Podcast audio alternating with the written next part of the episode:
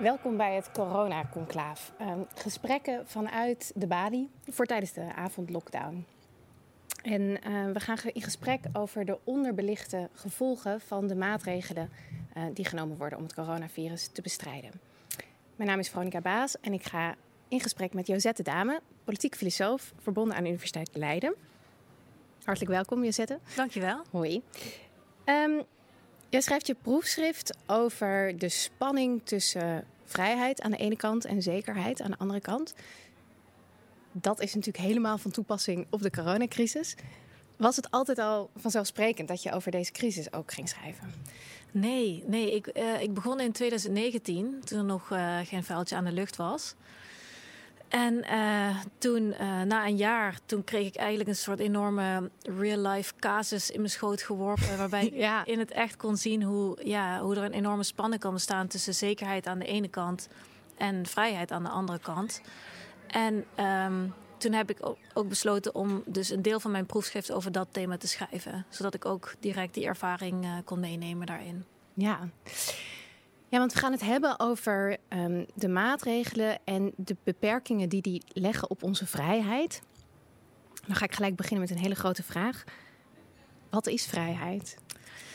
Ja, daar zijn. Uh, ik denk dat zowel politiek filosofen als mensen daar heel erg over van mening verschillen.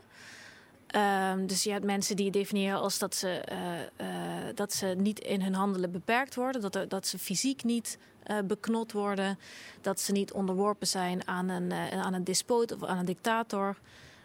dat ze hun grondrechten gegarandeerd zien in een liberale staat. Um, dat ze zelf beslissen over hun eigen leven. Maar ook dat ze niet beperkt worden door dingen als armoede of ziekte of dat soort dingen. Of dat ze zichzelf verwerkelijken. Dus het zijn allemaal heel verschillende dingen die wel met elkaar verband houden, maar die niet per se hetzelfde zijn.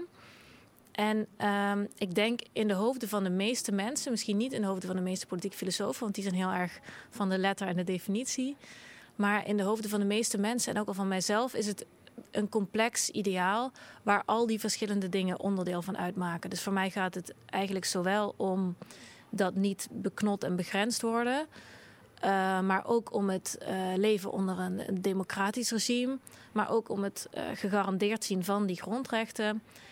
En ook om het wel hebben van reële mogelijkheden om een goed leven te leiden. Dus ook niet, niet alleen maar helemaal met rust gelaten worden, maar ook dat er echt kansen zijn dat je iets moois kunt doen met je leven. Wat ja. soms juist vergt dat je niet met rust gelaten wordt. Ja. Want uh, de aanleiding voor dit gesprek is een afwegingskader wat je geschreven hebt voor de Biardi Beckman Stichting. Voor een sociaal en een democratisch coronabeleid. Maar in dat eh, kader focus je heel erg op die vrijheden.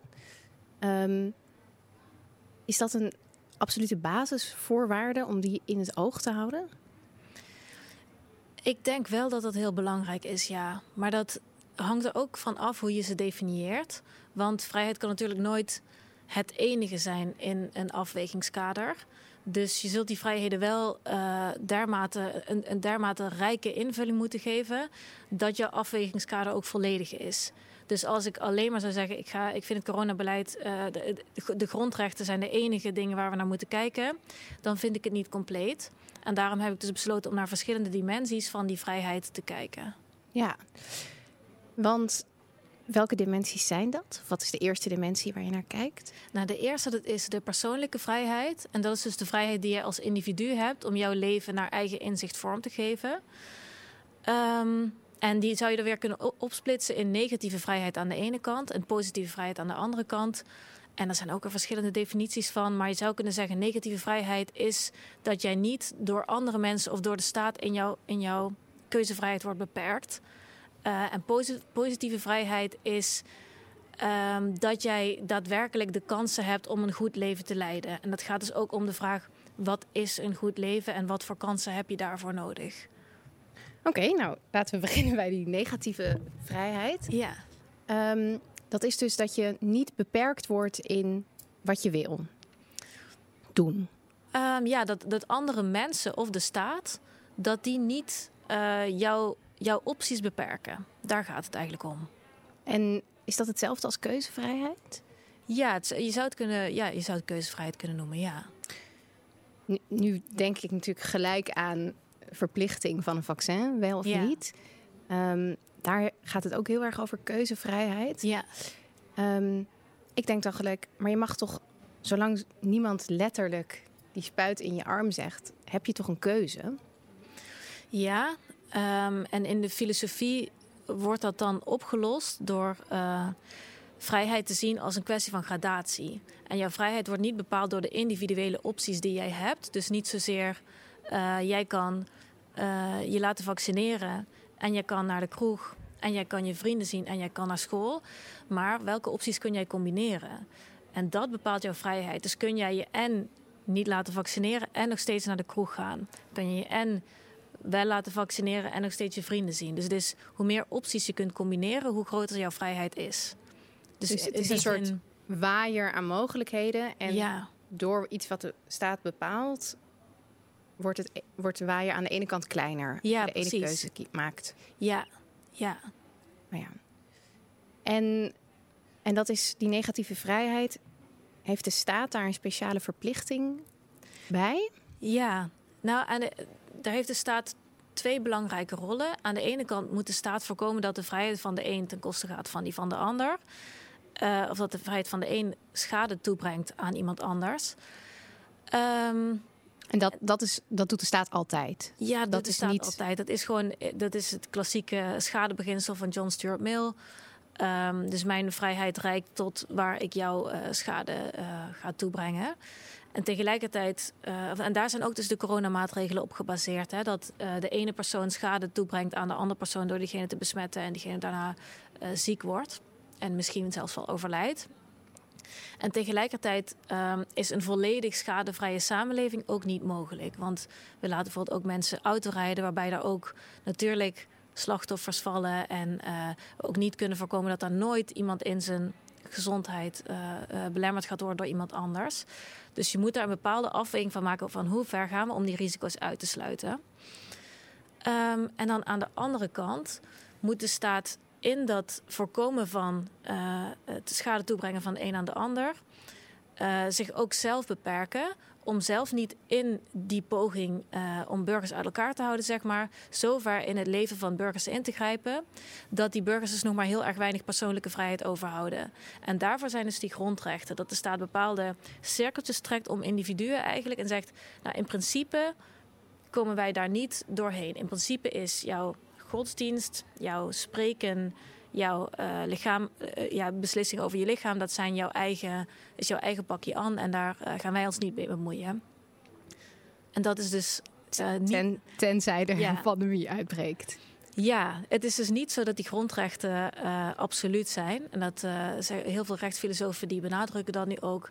We moeten die grondrechten niet zien als iets waar de staat nooit op zou mogen ingrijpen. Want natuurlijk, de staat, de staat beperkt altijd een klein beetje je vrijheid van meningsuiting door ja, ook eh, wetten tegen eh, smaad en laster, weet je wel, dat soort dingen. Je bewegingsvrijheid, ik mag niet overal zomaar naar binnen lopen. Dus die, die eh, grondrechten zijn ook niet absoluut. Maar er zijn wel heel strenge voorwaarden waar de staat aan moet voldoen. Wil de staat die inperken? En dat is ten eerste dat zo'n grondrechtsinperking een legitiem doel dient. Ten tweede dat ehm, eh, eh, dat doel niet op een minder ingrijpende manier kan worden bereikt. En ten derde dat dat middel ook nog eens proportioneel is tot dat doel. Dus er is een kosten-batenafweging en de kosten die blijken klei- kleiner dan de baten. Dus daar moet je steeds naar kijken met die maatregelen. Maar dat zijn allemaal subjectieve afwegingen, toch? Want wanneer is iets proportioneel Ja, en wanneer eh, is het legitiem? ja. Ehm, bieden die grondrechten daar houvast bij? Of Ja, nou, eh, maar in beperkte mate eigenlijk. En in Nederland komt het erop aan dat die beslissing of er aan die voorwaarden is voldaan, eh, dat het parlement zegt of dat zo is. Dus eh, het is niet de rechter die het bij ons bepaalt, maar het parlement. Dus heel veel ligt er inderdaad bij die inschatting van die volksvertegenwoordigers of er aan die maatregelen is of, of er aan die voorwaarden is voldaan. ja, en de, en de negatieve vrijheid is dus de beperking. En aan de andere kant, binnen die persoonlijke vrijheid heb je dus ook de positieve vrijheid. Ja, Wat houdt dat precies in? Ja, dat zijn dus de, de reële kansen die je hebt om een goed leven te leiden. Ehm, dus dat gaat om meer dan alleen maar met rust gelaten worden. Maar ook wat heb jij concreet nodig om een goed leven te leiden? Want je kunt je voorstellen, als jij helemaal met rust gelaten wordt, maar je krijgt ook geen eten en geen baan en geen huis, dan heb je alsnog geen kans om een goed leven te leiden. Dus daarvoor moet meer aanwezig zijn. Maar je moet daardoor ook kijken naar de vraag: wat is een goed leven? Um, en daar zijn weer hele boekenkasten over volgeschreven, natuurlijk. Um, maar ik vind zelf altijd wel een inspirerende filosofie, uh, de, de Aristoteliaanse traditie, waarbij die vraag: wat is een goed leven? Uh, wordt beantwoord door te kijken naar wat voor soort wezen is de mens. En als je daarnaar kijkt, dan zie je dat de mens dus een soort beestje is wat niet alleen maar uh, fysiek een verschijningsvorm heeft, maar uh, wat ook kan nadenken, wat ook verbinding kan maken met anderen, wat ook kan liefhebben, de wereld om zich heen, wat ook dingen kan waarnemen, van dingen kan genieten. En als je kijkt, wat kun je nou met die eigenschappen bereiken? Dan is dat dus gezondheid, dat is heel belangrijk, maar ook kennis, schoonheid, vriendschap en genot. Um, en voor mij is dus een goed leven wel iets waarin alle vijf die componenten vertegenwoordigd zijn. En dat is dus ook iets waar de overheid naar zou moeten kijken, vind ik, in het maken van zo'n beleidsafweging. En gaan, um, zijn die negatieve vrijheid en die positieve vrijheid een soort communicerende vaten? Dat als je de een inperkt, de ander groter wordt? Of hoe beïnvloedt dat elkaar? Ze staan zeker wel met, met elkaar in verband. En dat zie je bijvoorbeeld op het vlak van die gezondheid. Um, dat um, natuurlijk als, als iemand jou besmet, dan kun je dat zien als een soort beperking van jouw negatieve vrijheid. Want iemand anders die brengt jou schade toe. Maar je kunt het ook zien als een beperking van jouw positieve vrijheid. Want jouw gezondheid leidt daaronder. In sommige gevallen ernstig. Dus uh, die negatieve vrijheid is vaak een soort voorwaarde voor die positieve vrijheid. Maar het is niet dat als je die negatieve vrijheid hebt, dat je dan hoe dan ook, ook die positieve vrijheid hebt.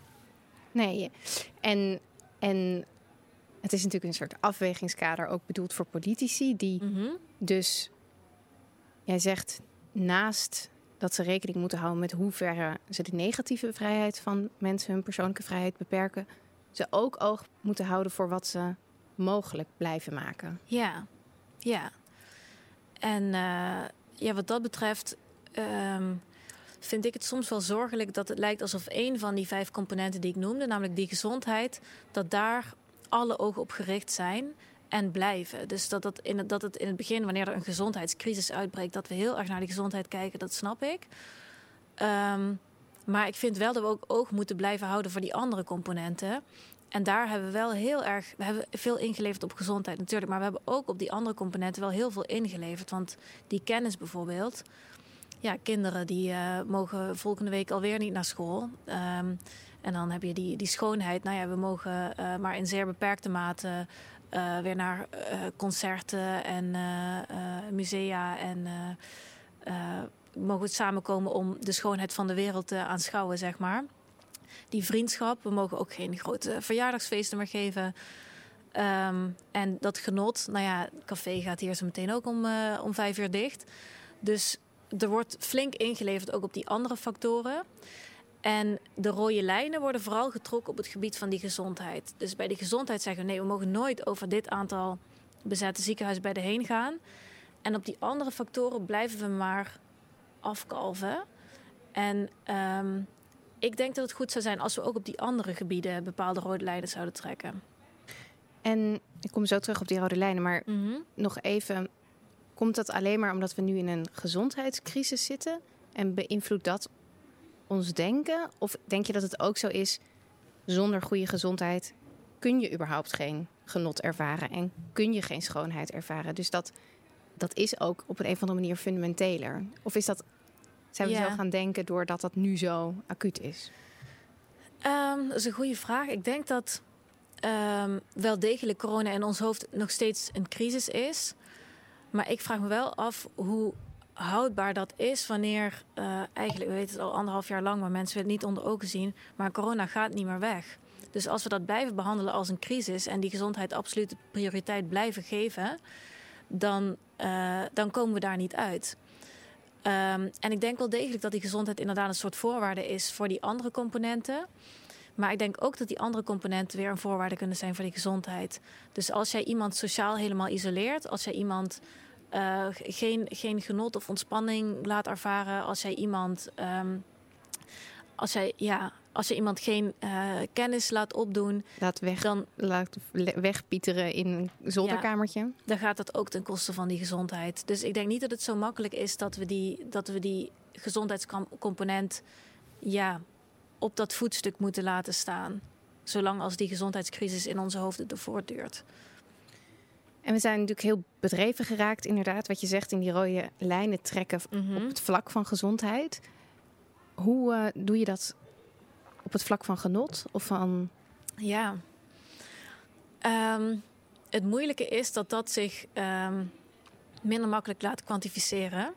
Dus in die gezondheid zie je dat mensen gaan rekenen met uh, kwalies, met quality adjusted life years. En dan ga je uitrekenen hoeveel gezondheidsjaren gaan er verloren door een bepaalde maatregel of komen er voor gered door een bepaalde maatregel.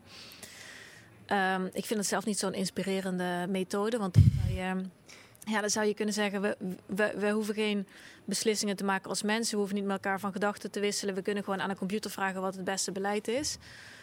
Um, ik denk dat we er niet onderuit komen dat we hier een democratisch gesprek over aangaan. Wat voor verhouding willen wij tussen gezondheid, tussen uh, gezondheid aan de ene kant en kennis, schoonheid, genot, vriendschap aan de andere kant. Dus ik denk inderdaad dat dat niet meetbaar is. Je kunnen, wetenschappers kunnen allerlei onderzoeken doen en dat doen ze ook over de leerachterstanden van kinderen en over depressie onder jongeren. En ik denk dat dat heel belangrijk is, maar het is niet allemaal meetbaar. Dus ik denk uiteindelijk dat dat democratische gesprek dat dat heel belangrijk is. Ja, en dat, dat brengt je ook eigenlijk heel natuurlijk bij, bij, bij je volgende soort vrijheid, collectieve vrijheid. Ja. En um, die krolt dus ook voort uit vragen van die voortkomen uit die persoonlijke vrijheid. Klopt ja, dat? eigenlijk wel. Dus weer, zie je weer dat die verbonden zijn, zoals je eigenlijk al zei. Omdat dat gaat over vrijheden waar je niet in je eentje verder mee komt? Of? Nou, collectieve vrijheid gaat over de vrijheid van een groep mensen, een, een ja, politieke gemeenschap zou je kunnen zeggen, om samen vorm te geven aan dat gezamenlijk leven. Dus dat gaat vooral over. Uh, ja, in, in ons systeem gaat dat over de democratie, over de democratische rechtsstaat. Dat wij zelf uh, bepalen hoe wij willen dat de samenleving eruit ziet. En wat heeft dat met vrijheid te maken?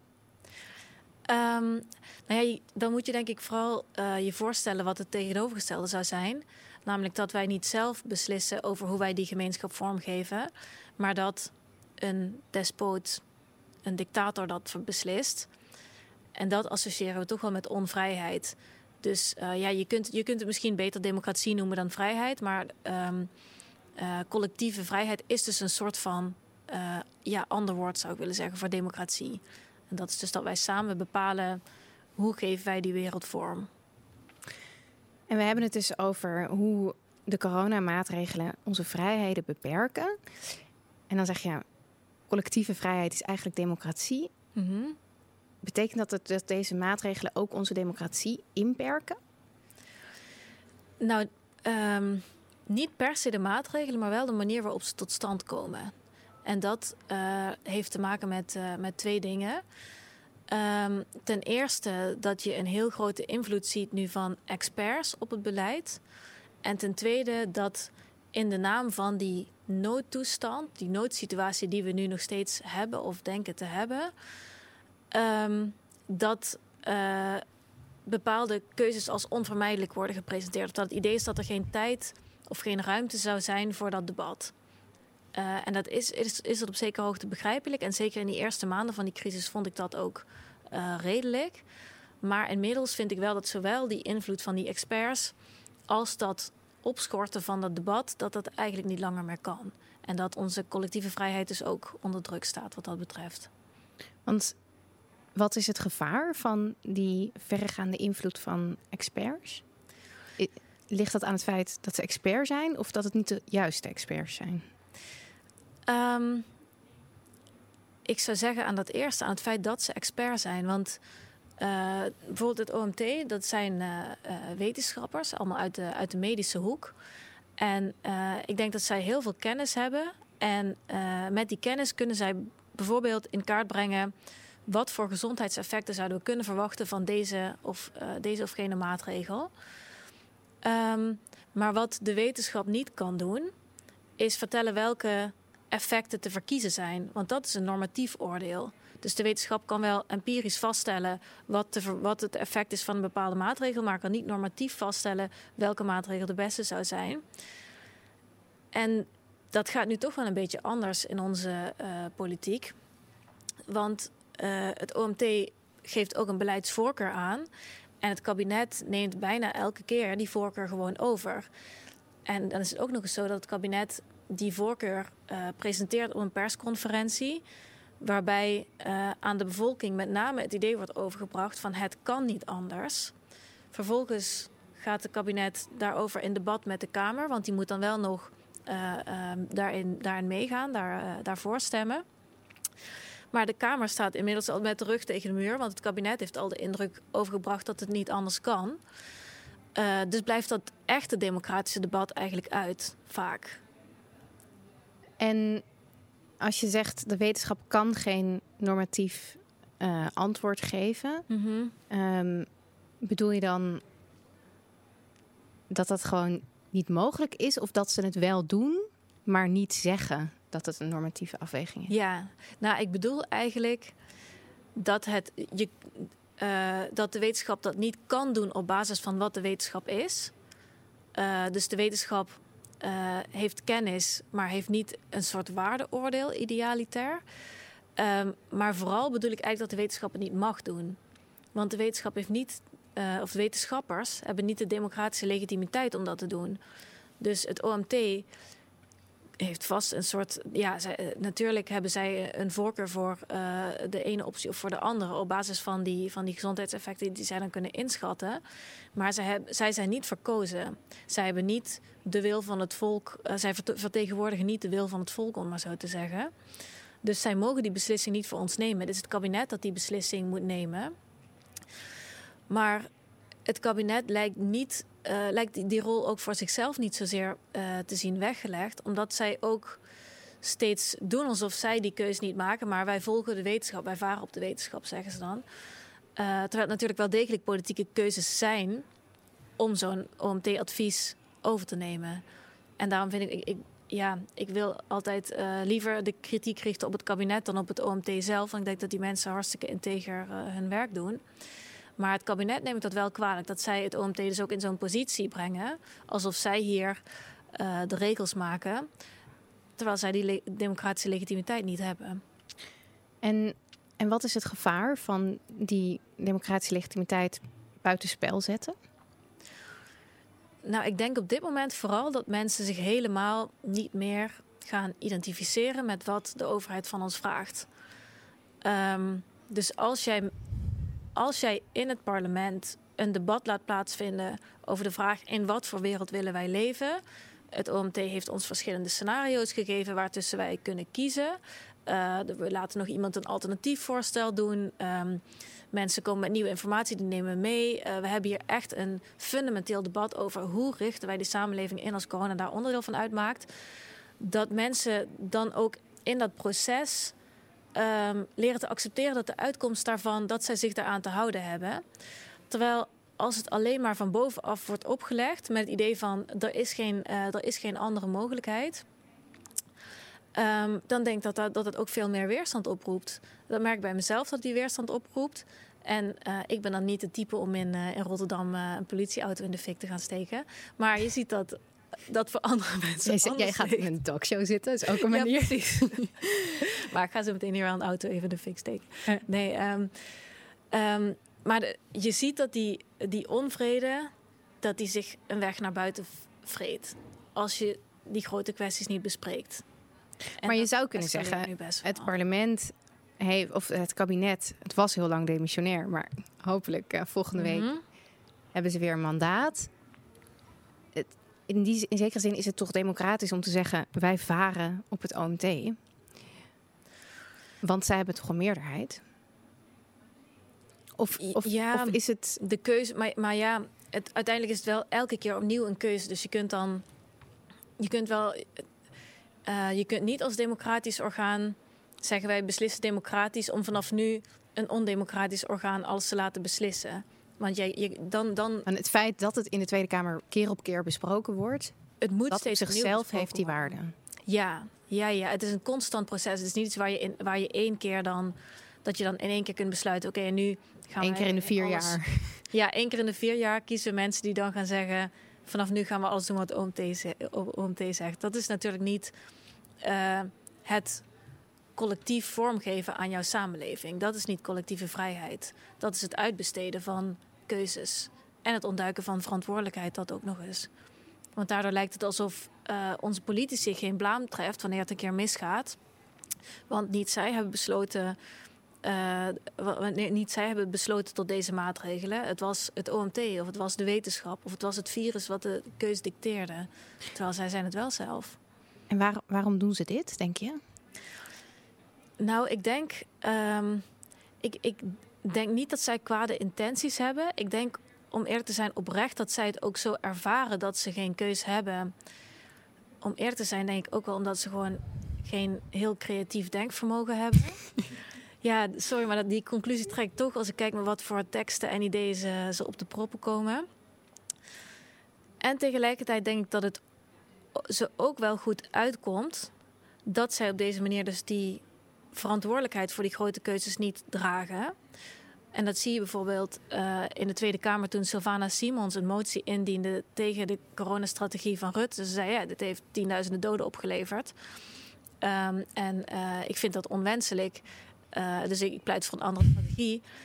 Um, en ik ben het inhoudelijk gezien niet met haar eens. Maar ik, ik, ik vind dat zij dat moet zeggen. Dat zij, dat zij moet kunnen zeggen: Rutte, jij hebt deze keus gemaakt en dit is het gevolg. En ik vind dat onwenselijk en ik stel iets anders voor. Maar in plaats van dat Rutte ging verdedigen waarom hij die keuze had gemaakt. Terwijl hij, hij had kunnen zeggen: Klopt, mevrouw Simons. Um, er zijn onder mijn uh, regime meer doden gevallen dan onder dat regime wat jij voorstelt. Maar bij mij zijn de scholen langer open gebleven. Bij mij zijn er nog mensen nog relatief veel bij elkaar kunnen komen. En dat is ook belangrijk. Maar wat hij koos te zeggen was: Het is een verschrikkelijke motie en ik vind het onbeschaafd. Dus hij, hij wilde niet erkennen dat hij die keuze had gemaakt en dat het gevolgen had gehad en dat hij die keuze kon verdedigen. Want hij, ja, dus aan de ene kant, hij besteedde het uit. Het was, hij had, ja, moest hij... ook maar uitvoeren wat. Uh...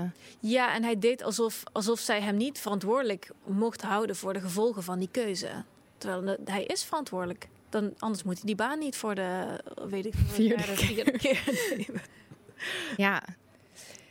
En um, de, denk je dat het ook je zegt net, wij, wij vinden het zelf moeilijker om het aan te nemen als het niet besproken wordt. Mm um, is dat omdat je je makkelijk neerleggen um, bij een meerderheid als het wel besproken wordt? Of omdat je toch hoopt dat mensen zich meer laten overtuigen? Ik denk, dat, ik denk allebei. Dus mensen laten zich dan overtuigen dat ze zien dat andere mensen een andere voorkeur hebben. Dat zelfs een meerderheid van de mensen een andere voorkeur heeft dan zij. Dus stel, die voorkeur is strenge coronabeleid.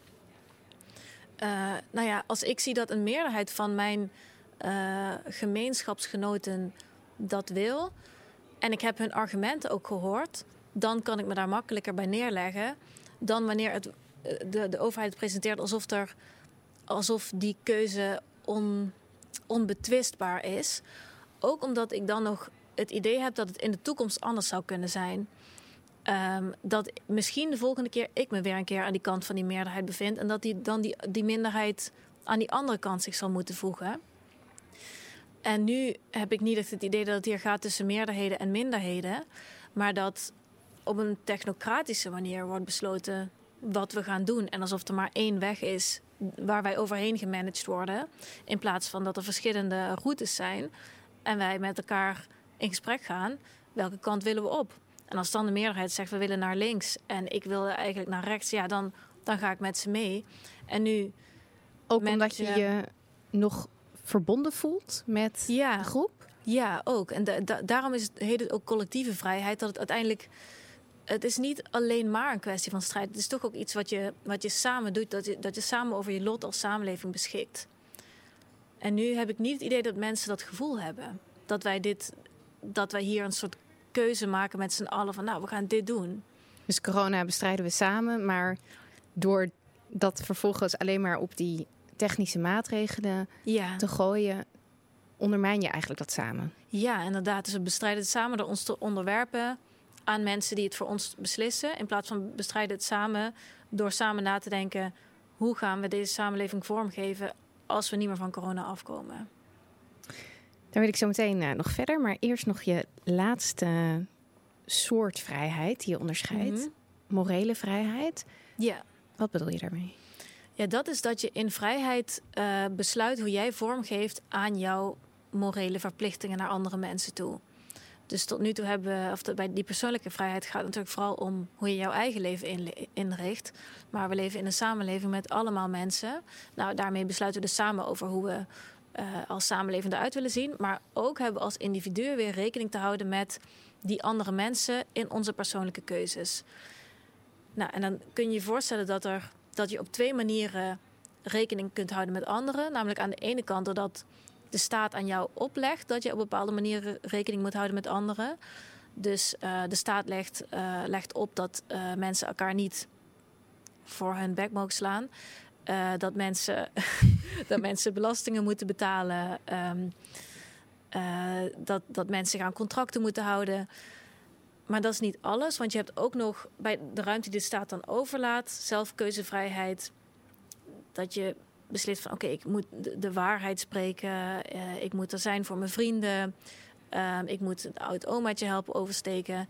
Dus je hebt zowel door de staat dat, die, dat een deel van die moraliteit wordt opgelegd, als door mensen hun eigen morele overtuigingen. En dat is die morele vrijheid. Dus dat gedeelte waarbij niet de staat zegt wat jij moet doen, maar dat jij je door jouw eigen morele overtuigingen laat leiden in jouw keuzes die ook andere mensen aangaan. Is het daarmee een, onderdeel van je persoonlijke vrijheid? Of Ehm, ja, zo zou je het misschien wel kunnen zien. Ja, want het gaat wel weer over, over het individu. Alleen nu dus eh, in de beslissingen van het individu die andere mensen eh, ook betrekken. ja. En dus eigenlijk hoe, hoe sterker de coronamaatregelen opgelegd worden, hoe groter jouw morele, of hoe kleiner je morele vrijheid wordt. Ja, zo zou je het kunnen zeggen, ja. En als dat nou goede maatregelen zijn die rekening houden met anderen, is Mhm. het erg, zeg maar, de intentie? Of het komt omdat je de wet volgt of omdat je zelf het goede wil doen? Ja, dat is een interessante vraag. Ik, ik denk dat het. eh, ik denk dat het goed is dat de overheid bepaalde beperkingen legt aan mensen hun handelen, eh, zodat ze andere mensen niet schaden. Maar we moeten wel altijd ruimte houden voor die morele vrijheid. Inderdaad, om wat jij zegt, dat er ook iets, juist het mooie van de moraliteit van moreel handelen is ook dat jij dat doet omdat je iets goeds wil doen voor een ander. En niet omdat je anders gestraft wordt. Dus ehm, het mooie van eh, zoiets als eh, de waarheid vertellen tegen iemand. Is dat je dat doet omdat je eh, eh, denkt dat dat het juiste is om te doen. Omdat je het beste met diegene voor hebt. Omdat je denkt dat diegene daar recht op heeft. Omdat jij daar een morele plicht toe hebt. En niet omdat jij denkt. Anders dan gaat, eh, als de staat daarachter komt, dan word ik in de bak gegooid of zo. Dus een deel van die schoonheid van die moraliteit zit juist in dat ook met die goede intentie doen, denk ik. Ja, En het is natuurlijk een soort veiligheidsmaatregel voor als die collectieve vrijheid verkeerd gaat en het hele Ja. amorele maatregelen zijn. ja precies. Dus je ziet ook dat ehm, ja, de overheid moet natuurlijk algemene normen stellen. En in individuele gevallen kunnen die normen soms toch ja, verkeerd uitpakken eigenlijk. En daar heb je ook die morele vrijheid voor nodig. Kan je daar een voorbeeld van doen? Ja, nou ja, stel, ehm, stel eh, eh, je oma die heeft niet meer lang te leven. En de komende kerst is de laatste kerst dat ze nog met al haar vijf kinderen eh, samen kan zijn. Nou, de overheid heeft een regel, die mag maar vier mensen op bezoek hebben. Is het dan in dit en dat, dat doet de overheid omdat ze vinden dat je een morele plicht hebt om andere mensen in hun om de gezondheid van andere mensen te respecteren en te beschermen. Maar in dit individuele geval is het natuurlijk moreel te verkiezen dat die vijf kinderen gewoon bij die oma op bezoek gaan. Dus je moet ruimte laten voor dat soort uitzonderingen uh, die, waar burgers zelf invulling aan kunnen geven. Uh, omdat de overheid helemaal geen overzicht heeft van wat er in al die individuele gevallen allemaal voor factoren spelen. Dus ik, ja, ik, ik hoop dat daar de ruimte voor blijft. En tot nu toe denk ik dat mensen die ook wel nemen hoor, moet ik zeggen. Uh, maar de, ja, de neiging van de overheid is wel om die morele vrijheid in te perken. Ja. Omdat ze dan zeker weten dat mensen zich eraan zullen houden. Ja. Dus als we even uitzoomen, dan heb je dus die persoonlijke vrijheid die beperkt kan worden. Um, in, in dienst van het bestrijden van het coronavirus. Je hebt de collectieve vrijheid die eigenlijk beter ingezet zou kunnen worden om dat virus te bestrijden, maar ook om een leefbare samenleving of een wenselijke samenleving in te richten. En je hebt die morele vrijheid. Wat is het gevaar van het inperken van deze grote thema's? Waar, waar ben je bang voor? Waarom denk je, ik, ik schrijf dit stuk, ik trek aan de bel? Ja. Um, ik ben bang dat onze uh, focus op het bestrijden van dat virus. Um, dat we daardoor uit het oog verliezen wat er zo waardevol is aan die vrijheid. En dat we afstevenen op een samenleving waarin die vrijheden structureel onder druk komen te staan. En dat uh, klinkt dan misschien meteen misschien een beetje complotterig. Maar ik vind het soms ook wel naïef hoe er in de politiek, maar ook in de samenleving wordt gedacht over die tijdelijkheid van die maatregelen. Um, want we weten inmiddels dat het virus niet tijdelijk is.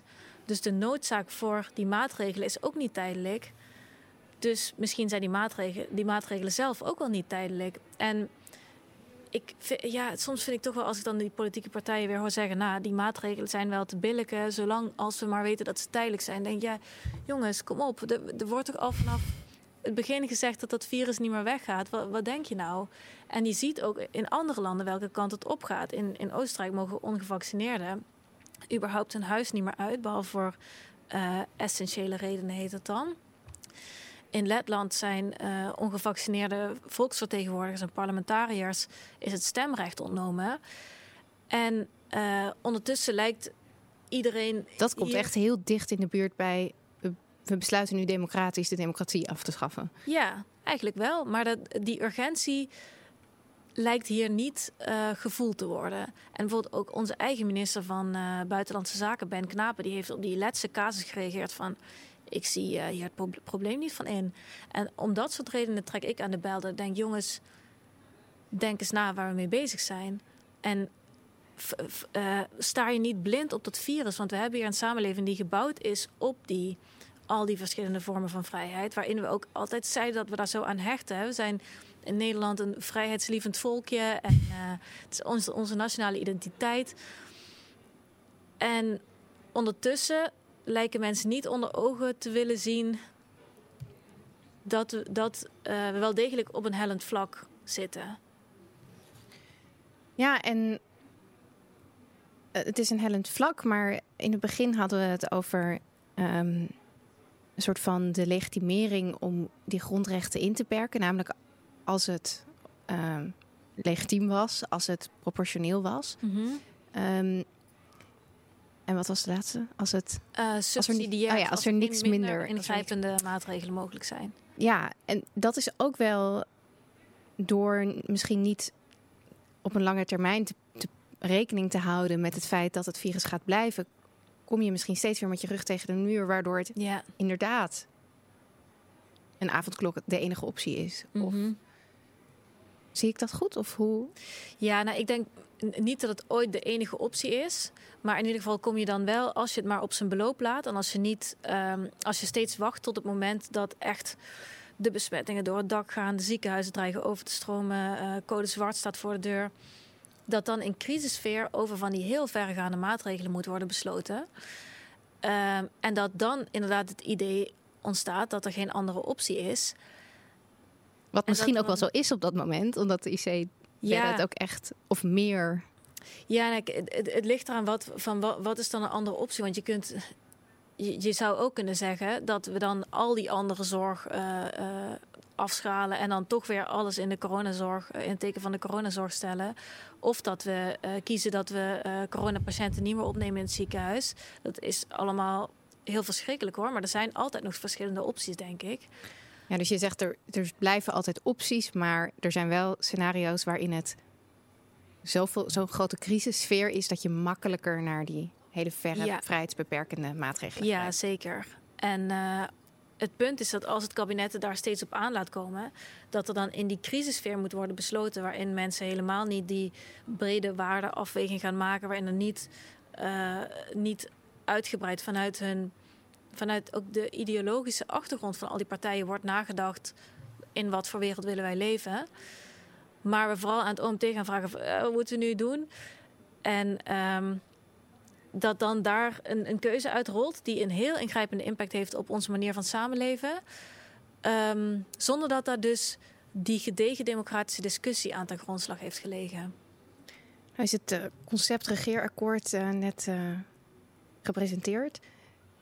Daar staan niet heel erg lange termijn plannen in, hè? Nee, nee, het is volgens mij ook het grootste kritiekpunt waar de, wat de regering nu te verduren heeft van de Kamer. En terecht. Want er staat heel weinig in over een soort lange termijnvisie van hoe gaan wij als samenleving met corona om als corona niet meer weggaat. Nou, zoveel is wel duidelijk voor de komende tijd. Um, en de nieuwe coalitie, de nieuwe oude coalitie, komt niet heel veel verder dan een soort holle frase over pandemische paraatheid. En het idee om een, uh, een chief medical officer aan te stellen. Wat in mijn ogen ook. Waardoor de, de expertise nog weer precies. verankerd wordt. Ja, precies. Dat was, dat was mijn gedachte toen ik dat las. Um, en wat er niet in staat, is een soort visie van hoe ziet de samenleving eruit als corona daar blijvend onderdeel van is.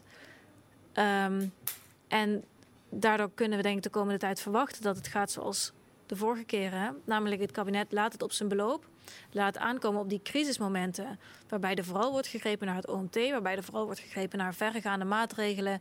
Vooral wordt gekeken, uh, we doen ze in het buitenland, coronapas, 2G, ja, dan doen wij dat ook. In plaats van dat wij nu zelf nadenken, hoe willen wij dat die samenleving eruit ziet de komende vier jaar? Ja, dat is natuurlijk een bij uitstek politieke vraag. Je ja. hebt deze vraag, of je hebt dit uh, afwegingskader geschreven voor het wetenschappelijk bureau van de Partij van de Arbeid. Um, deze vrijheden klinken ook wel gewoon nogal liberaal. Ja. Is er iets wat het heel sociaal-democratisch maakt? Of... Um, nou, in de sociaaldemocratie speelt vrijheid ook een grote rol. Alleen wordt het dan altijd gezien als iets wat je. Uh, dus niemand. Uh, als er één iemand onvrij is, dan is iedereen onvrij. Dus de sociaaldemocratie kijkt veel ja, collectivistischer, zou je kunnen zeggen, naar die vrijheden. En je hebt gelijk dat in dit stuk ik ook juist wel veel ruimte geef voor die persoonlijke vrijheid. En het moet ik zeggen, doe ik ook omdat ik persoonlijk vind dat onze liberale partijen het nu heel erg laten afweten. Dus VVD en D66 zijn partijen waarvan je op basis van hun ideologische wortels zou verwachten dat zij heel erg op de rem trappen wanneer het gaat om vrijheidsinperkingen, grondrechtsinperkingen op de bres springen ervoor. Ja. ja. Ja, of dat, ja, dus eh, op de bres springen ervoor dat die niet worden uh, ingeperkt. Maar je ziet juist dat dit soort partijen, of dat deze twee partijen, de grote voorvechters zijn van die maatregelen die die grondrechten in het gedrang brengen. Dus ik kon niet laten om, ook al is het in een sociaal-democratisch blad verschenen, om ook dat liberale vuurtje een beetje op te stoken. En bovendien denk ik ook dat binnen die sociaaldemocratie en binnen links die grondrechten ook heel belangrijk zijn. Want dat, het gaat toch ook over macht en tegenmacht. En over het beschermen van minderheden. En daar zijn die grondrechten heel belangrijk voor. Dus ook die sociaaldemocraten zullen moeten geven om die grondrechten. Maar ik denk in het algemeen hebben we eigenlijk al die grote ideologische tradities die we in ons land hebben, die hebben we nodig om tot een goed, een goed pandemiebeleid te komen. Want ik denk. Want die vertegenwoordigen alle stromingen die bij de burgers aanwezig zijn. Ja, en ze hebben ook echt heel, heel waardevolle ideeën, vind ik. Ik heb wel met meer van die uh, wetenschappelijke bureaus gesproken. En die liberalen die hebben echt een, ja, bij die wetenschappelijke bureaus in ieder geval, een heel goede visie op wat vrijheid is. En dat we zo streng moeten zijn op die grondrechten. die sociaaldemocraten die kijken weer naar die gelijkheid en dat er voor iedereen een plekje moet zijn in deze samenleving.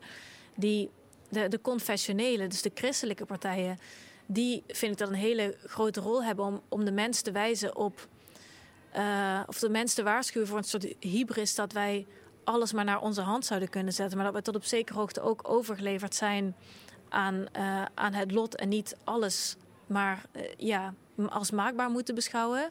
En de groene, dat is dan de, de, vierde, de nieuwste stroming zou ik willen zeggen. Die hebben denk ik een heel belangrijk verhaal als het gaat om de oorzaken van die pandemie bijvoorbeeld. Die natuurlijk liggen in onze omgang met dieren. En überhaupt de manier waarop wij samenleven met ontzettend veel internationale bewegingen. En een soort heel uh, ja, groots en decadent leven zou je kunnen zeggen. Nou, als je, als je die vier is echt goed creatief, waardegedreven laat nadenken over hoe een samenleving eruit zou moeten zien, gegeven corona, dan denk ik dat daar best wel iets moois uit zou kunnen komen. Maar dat is niet wat er gebeurt. Nee, en het klinkt ook als. Als de Tweede Kamer er nog niet bestond, zou je hem hiervoor moeten uitvinden. Ja, maar ja, we hebben hem, dus misschien moeten we ook maar eens uh, goed gaan gebruiken. Ja, ik, ik hoop dat iedereen van links, rechts, confessioneel, groen. Um, dit afwegingskader gaat lezen. Ik denk dat ze er veel van zouden kunnen opsteken. Dankjewel. Um, we hebben nog heel veel andere coronaconclaven gepland met experts over de onderbelichte aspecten van de coronamaatregelen. Graag tot dan.